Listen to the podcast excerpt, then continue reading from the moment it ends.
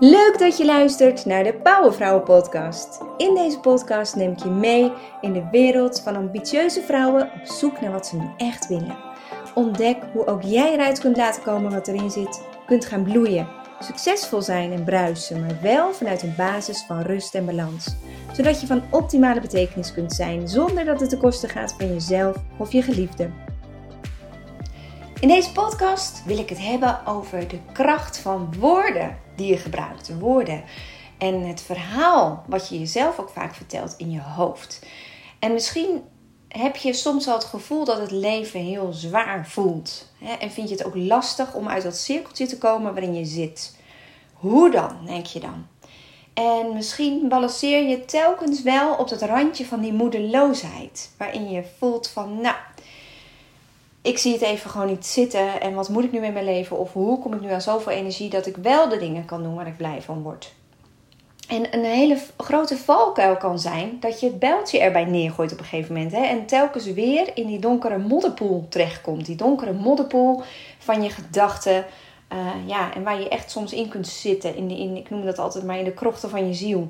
Hè, en um, wat heel erg belangrijk is dan om je te realiseren, is dat je jezelf eigenlijk altijd een verhaal vertelt. Constant. In je onderbewustzijn. Hè? In de, dingen die door je hoofd gaan, gedachten die je hebt. En dat verhaal, wat telkens ook uh, in jouw hoofd weer doorgaat, heel vaak ook in cirkeltjes, hè, dat zijn terugkerende gedachten die soms ook heel negatief kunnen zijn. Zeker als je niet goed in je vel zit of je hebt dingen meegemaakt. En dan kan het zomaar zo zijn dat je conclusies hebt getrokken over het leven die iedere keer weer terugkomen in je hoofd. En um, ja, we, we denken op een dag zo'n. Ja, de, zijn, de meningen zijn er een beetje over verdeeld. Maar soms wel 60 tot 80.000 gedachten per dag denken we. Heel vaak onbewust. En die gedachten die vormen met elkaar een verhaal. En nu is het zo dat iedere gedachte één op één een bepaald gevoel veroorzaakt. Dus als jij je rot voelt, dan is het zo dat er negatieve gedachten aan ten grondslag liggen. Altijd. Dat is hoe het werkt. Daar is wetenschappelijk onderzoek naar gedaan. Uh, als je negatief denkt, dan heb je ook een negatief gevoel. Want als jij denkt over jezelf van nou, het wordt helemaal nooit wat met mij. Nou, hoe voelt dat dan? Nou, dat geeft niet zo'n heel leuk gevoel. Terwijl als je denkt van hé, hey, ik ben eigenlijk best nieuwsgierig naar de rest van het verloop van mijn leven. Of nou, ik heb eigenlijk best wel aardig wat in huis. Dat geeft een heel ander gevoel. Als je dat nu ook bij jezelf zo voelt. En in deze podcast wil ik je eigenlijk drie inzichten geven. Drie manieren, of ik wil, daar wil ik je echt van bewust van maken, om um, die gedachten te sturen. Hè? En uh, dus ik, in deze podcast ga ik drie dingen met je doornemen. En het is niet zo heel lang deze podcast, maar ik hoop wel des te krachtiger. Uh, omdat als je de dingen die ik je aangeef in deze podcast ook echt gaat toepassen in je leven, dat je ook zult merken, steeds weer, dit is wel een oefening en trainen, maar je gaat merken dat je in een andere mindset terechtkomt. Waardoor je dus ook een heel ander gevoel gaat ervaren. En hoe meer je die mindset weet beter te pakken en weet, weet bij te sturen en weet om te buigen naar een positieve mindset, ja, hoe meer je ook zult gaan ervaren, of hoe meer, meer positieve emoties je ook zult gaan ervaren. En dat is natuurlijk wat ik je gun en waar ik je ook echt bij wil helpen met deze podcast. Allereerst wil ik het met je hebben over het stellen van doelen. Eh, jij en ik zijn mensen die willen ontwikkelen. Dat zit er nu eenmaal ingebakken. Soms willen we verandering in ons leven. Je wil nu ook verandering. Zeker als je je moedeloos voelt of telkens denkt, nou, net niet. Of je zit op het randje, dan wil je graag verandering. En een van de dingen die, die heel goed werken bij verandering is dat je zelf doelen stelt. Maar let nu eens even heel goed op hoe jij precies doelen stelt in je leven. Um, zo uh, ben ik in mijn leven heel vaak bezig geweest met mijn lijn. Misschien herken je het wel uh, als vrouw. Nou, ik, ik weet niet hoe het met jouw genen zit. Ik heb niet degene dat ik als ik uh, de hele dag door eet, dat ik een soepstengel blijf. Nee, bij mij uh, ga je het toch echt terugzien in de rondingen op mijn heupen en uh, overal eigenlijk. En ik vind het belangrijk om gezond te leven. Um, al eerder, maar heel vaak ging ik dan een doel stellen. En dan was het doel: ik wil afvallen. Maar de formulering ervan Dus het woord of, of de zin ik wil afvallen is eigenlijk niet echt een hele motiverende zin. Het is best wel een negatieve zin. Ik wil afvallen, want het wil zeggen, oh, dan ben ik dus nu te dik. Het kan allemaal waar wezen, maar door al te zeggen ik wil afvallen, ja, dat is best wel, geeft een beetje een zwaarte. Voel je? Als je doelen stelt, dan is het heel belangrijk dat je ze positief stelt. En wat is nou een positief doel wat hier dan wel bij past? Nou, een positief doel is: ik wil gezond zijn. Ik wil bijvoorbeeld 65 kilo wegen. Ik wil me in mijn favoriete jurkje passen. Dan ga je heel erg al vanuit het doel, alsof je hem al hebt behaald, gaan formuleren. dus niet ik wil afvallen, oh man, die hele route erheen. ik word bijvoorbeeld al moe en ik zie het bijvoorbeeld al niet meer zitten. Nee, ik wil 65 kilo wegen. Dat is in mijn geval mijn ideale gewicht. Waarin ik gewoon mijn BMI netjes op orde heb en uh, ook nog mooi in mijn favoriete jurkje pas. Als je dat voor jezelf hardop zegt, hè, ik wil afvallen of ik wil 65 kilo wegen, dan voel je dat er een andere lading onder zit. Dat is wat woorden, wat formuleren met je doet. Word je daar eens bewust van, zou ik je echt toe uit willen nodigen. Dat is de eerste. Dus als je doelen gaat stellen, stel ze positief. Dus stel ze als in uh, dat je het al hebt behaald. Dus niet de weg erheen. Zeg dus ook niet, ik wil de komende drie weken gaan hardlopen. Maar zeg uh, bijvoorbeeld, over drie weken uh, zit ik lekker in mijn vel. Of en um, ben ik lekker aan het hardlopen, nog steeds. Dus voel je het verschil? Uh, heel erg vanuit alsof je er al bent. Dat is wat ik graag aan je wil overbrengen. Want dat geeft een veel positiever gevoel. En als je een positief gevoel hebt, ja, dan ben je gemotiveerd. Dan lukt het veel beter ook om het vol te houden. Maar iets anders als het gaat over de kracht van woorden. En dat is het tweede inzicht wat ik je uh, wil geven. Is misschien herken je het wel dat als je uh, in je leven um, ja, dingen gebeuren die echt niet leuk zijn. Die maken we allemaal mee, want het leven is nu eenmaal niet het paradijs. we leven niet in een volkomen wereld. Er zijn altijd dingen die gebeuren die gewoon niet leuk zijn. Wat zeg je dan tegen jezelf? Welke vraag stel je jezelf? Heel veel mensen, heel veel vrouwen, stellen zich in de eerste instantie de waarom-vraag. Waarom overkomt mij dit? Waarom moet mij dit nu weer gebeuren? En dan moet je maar bij jezelf op letten hoe je omgaat met uh, negatieve gebeurtenissen. Zeker als je al een beetje moedeloos voelt. En dat is niet heel raar, hè, want het is logisch dat je ook echt zo gaat denken, soms. Alleen de manier waarop je reageert op een situatie is echt alles bepalend voor het gevoel wat je ervan krijgt. Als je reageert op nare gebeurtenissen of dingen die gewoon niet meezitten met de waarom-vraag, dan voelt het ook direct zwaar. Waarom dit of dat of dat? Eigenlijk is het een vraag waarmee je dus het gebeurde niet accepteert. Je aanvaardt het niet. Je gaat in de weerstand. En die weerstand, die zie je dus terug in de vragen die je zelf stelt. Waarom is dit mij overkomen? Nou, en als je in die waarom-vragen gaat zitten, dan is de kans heel erg groot dat je in de pool van slachtofferschap terechtkomt. Van negativiteit, van hulpeloosheid. Eigenlijk van aangeleerde hulpeloosheid, hè, noemt Martin Seligman dat. Dat is, dat is dus de, de conclusie van, oh, ik heb het toch niet in de hand, het overkomt me weer. Dus je geeft eigenlijk je regie uit handen. Hè? Nou, hoe kun je dit nou omdraaien? Want dat is helemaal geen fijne positie. Want je, want je haalt al je kracht eigenlijk bij jezelf vandaan. Hè? En, en je keuzemogelijkheden. Als je in de waarom-vraag gaat zitten, dan maak je jezelf in feite krachteloos. Wat natuurlijk gewoon heel jammer is en zonde is. Want het hoeft niet. Een veel betere vraag die je zelf kunt stellen. En hier zie je dus weer de kracht van woorden of de kracht van uh, gedachten die je denkt, is zodra er iets negatiefs gebeurt, is niet de vraag waarom nu, maar de goede vraag is wat nu? Dat is een hele andere soortige vraag, voel je? Of je nu denkt waarom is me dit overkomen, of of je denkt wat nu? Wat nu is een vraag van acceptatie. Vanuit acceptatie en aanvaarding van de situatie, waarbij je de regie bij jezelf houdt. Want hoe ga jij erop reageren? De situatie kun je niet veranderen, staat vaak los van je heb je geen invloed op. Maar wat jij ermee doet, je reactie, ja, daar kun je absoluut wel wat mee. Dus wat nu is eigenlijk een hele activerende vraag die je zelf kunt leren stellen bij dingen die anders gaan zoals je ze zou willen dat ze zouden gaan. want eh, dan blijft het nog steeds misschien niet leuk wat er is gebeurd. En dat is, dat is oké dat je het niet leuk vindt. Dus, dus daar kun je misschien om rouwen of om huilen of weet ik het iets. Maar door uit de waarom-vraag te blijven, maar jezelf de vraag te stellen: wat nu? Krijg je een hele andere lading, waarmee je ook een hele hoop emotie buiten de deur houdt. Omdat je gewoon reageert. En nu zeggen sommige mensen wel eens van ja, maar dan ga je die emoties wegdrukken. Maar dat is niet zo. Emoties ontstaan pas als gevolg van een gedachte die je hebt. een conclusie die je trekt op de situatie. De waarom-vraag, dat is gebaseerd op de gedachte: oh, dat overkomt mij weer. En, en dan komt er, komen er nare emoties. Maar als je direct de situatie uh, interpreteert als een gegeven en je zegt, je stelt jezelf de vraag wat nu, dan komt die emotie überhaupt niet binnen. Dan pak je de regie en je gaat, ehm, ja, je handelt of je maakt een keuze. En dat is niet wegrennen van je emoties. Nee, dat is regie pakken. Dat is verantwoordelijkheid nemen voor de situatie.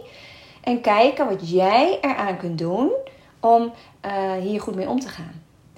En deze manier van denken en de woorden die je dan kiest, hè, wat, wat nu, wat, wat kan ik nu doen, die zorgt voor een heel ander gevoel in je uh, hele wezen. Die zorgt ervoor dat je een hele situatie ook anders gaat ervaren. Dat de nasleep ook heel anders is. En dat is absoluut iets waarvoor je kunt kiezen. Ik geloof echt dat je kunt kiezen voor de waarom-vraag of voor de wat-nu-vraag.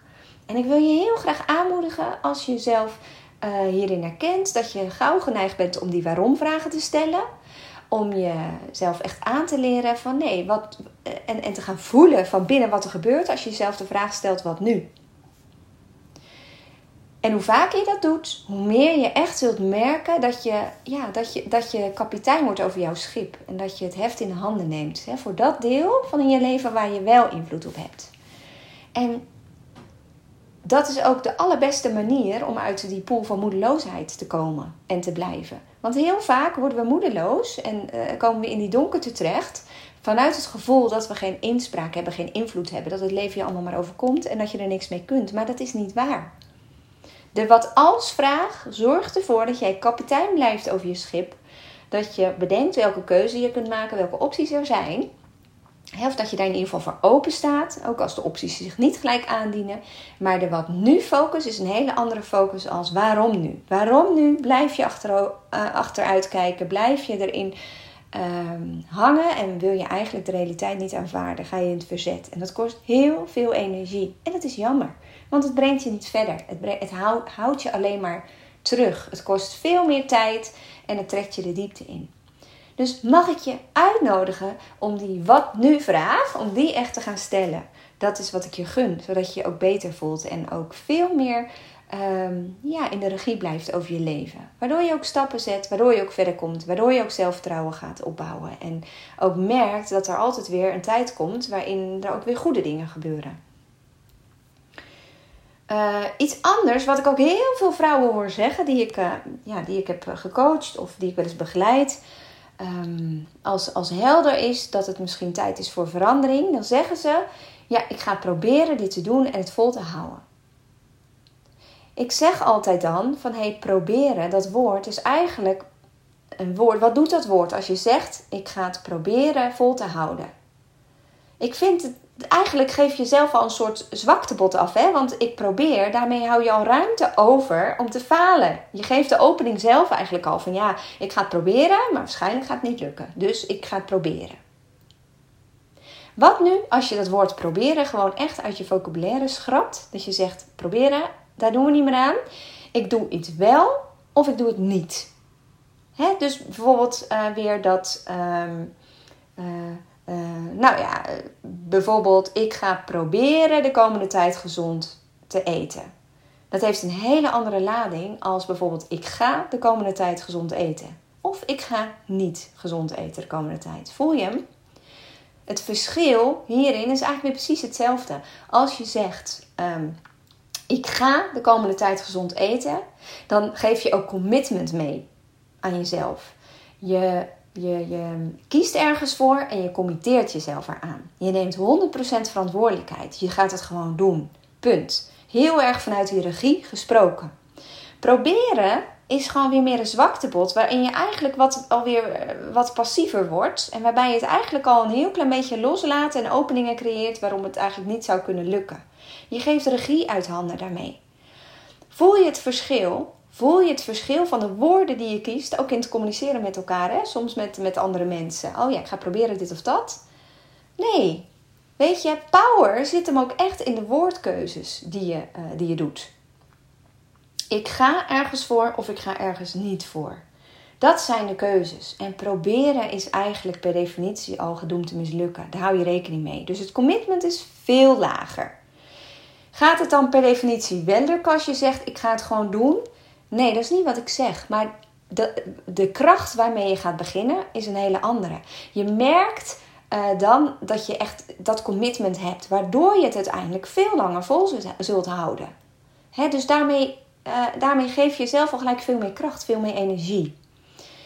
De kracht van woorden is enorm. De kracht van de verhalen die je over jezelf vertelt is ook enorm. vertel je bijvoorbeeld tegen jezelf constant: Oh, het wordt nooit wat met mij en het gaat niet lukken met mijn leven. Dus die negatieve gedachten, hoe logisch ze soms ook zijn, om als je bijvoorbeeld dingen hebt meegemaakt in je jeugd. Maar blijf je die dingen denken, is dat het verhaal wat je jezelf vertelt? Ook met allerlei eh, excuses soms en met, met, met smoesjes. Hè, waarbij ik ook ja, best wel vaak zie, maar ook bij mezelf hoor. Daar kan ik ook eerlijk in zijn dat je, dat je zegt, ja, maar ja, nu... Um, uh, ik, ik heb nu eenmaal niet zo'n leuke jeugd gehad, dus daar zal ik altijd wel last van hebben. Dus ik zal altijd minder succesvol zijn misschien. Dat is een verhaal wat je jezelf kunt vertellen.